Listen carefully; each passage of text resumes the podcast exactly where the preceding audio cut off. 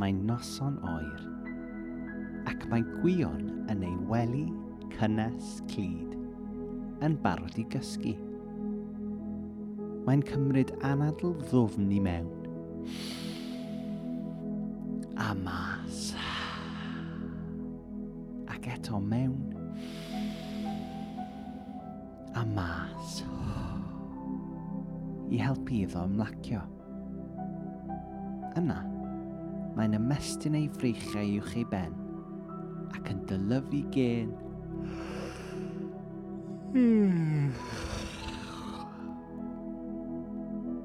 Mae'n neud ei hunan yn gyfforddus, yn cael ei lygaid ac yn ara deg. Mae ei feddyliau yn dechrau troi'n breuddwydion. Mae gwion yn cysgu yn dawel bach.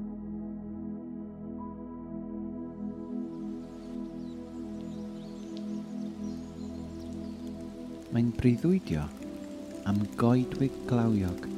Y gwynt yn sio drwy'r dail, a'r pitran patran ar y llawr ac ar ffrigau'r coed.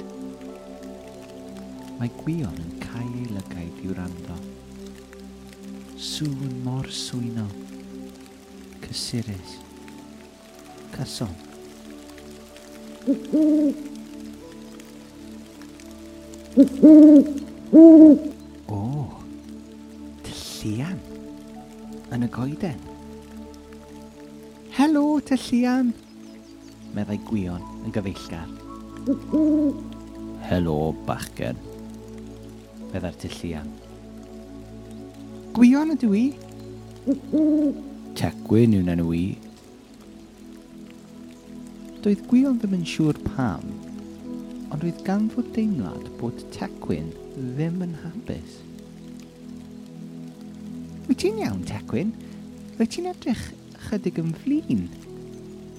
Rydw i yn flin, ond dydw i ddim yn cofio pam. Doedd Gwion ddim yn hoffi meddwl bod Tecwyn yn flin am ddim byd. Felly fe aeth ati i geisio helpu. Wyt ti eisiau clywed joc, Tecwyn? Nac ydw. O, oh, der ymlaen, Tecwyn. Falle ni wedi deimlo'n well ar ôl chwerthin ychydig. Iawn. Cnoc, cnoc. Pwy sy'n na? Y, y fywch sy'n torri ar draws. Y fywch sy'n torri ar draws. Mae Tecwyn yn syllu'n ddifrifol. Da iawn hanner ymlaen tecwyn. Bwyd? Wyt ti eisiau bwyd efallai? Na. Dwi newydd fita a dydw i dal ddim yn teimlo'n hapus. Beth am gan fach? Meddai gwion yn obeithiol. Dydw i ddim yn canu. Beth am gan swynol? Ddistaw? Dydw i ddim yn canu.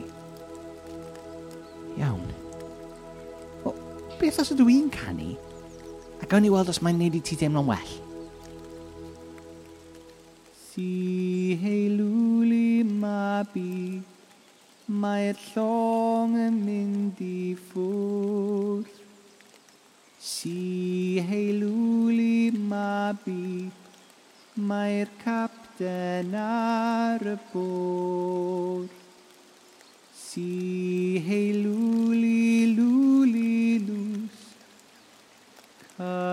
cysga, cysga, ma fi trws. Si heilwli ma bi, mae'r llong yn mynd i ffwrdd. Mae tecwyn yn cysgu'n dawel. Cysgu! Dyna oedd ei angen.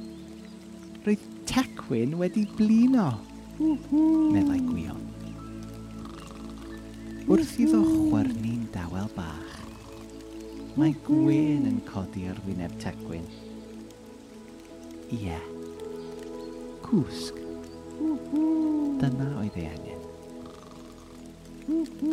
Mae gwion yn cerdded yn ei flaen trwy'r goedwig, yn gwrando ar y glaw a'r gwynt, gan adael tecwyn y tyllian i gysgu'n dawel bach yn ei goeden.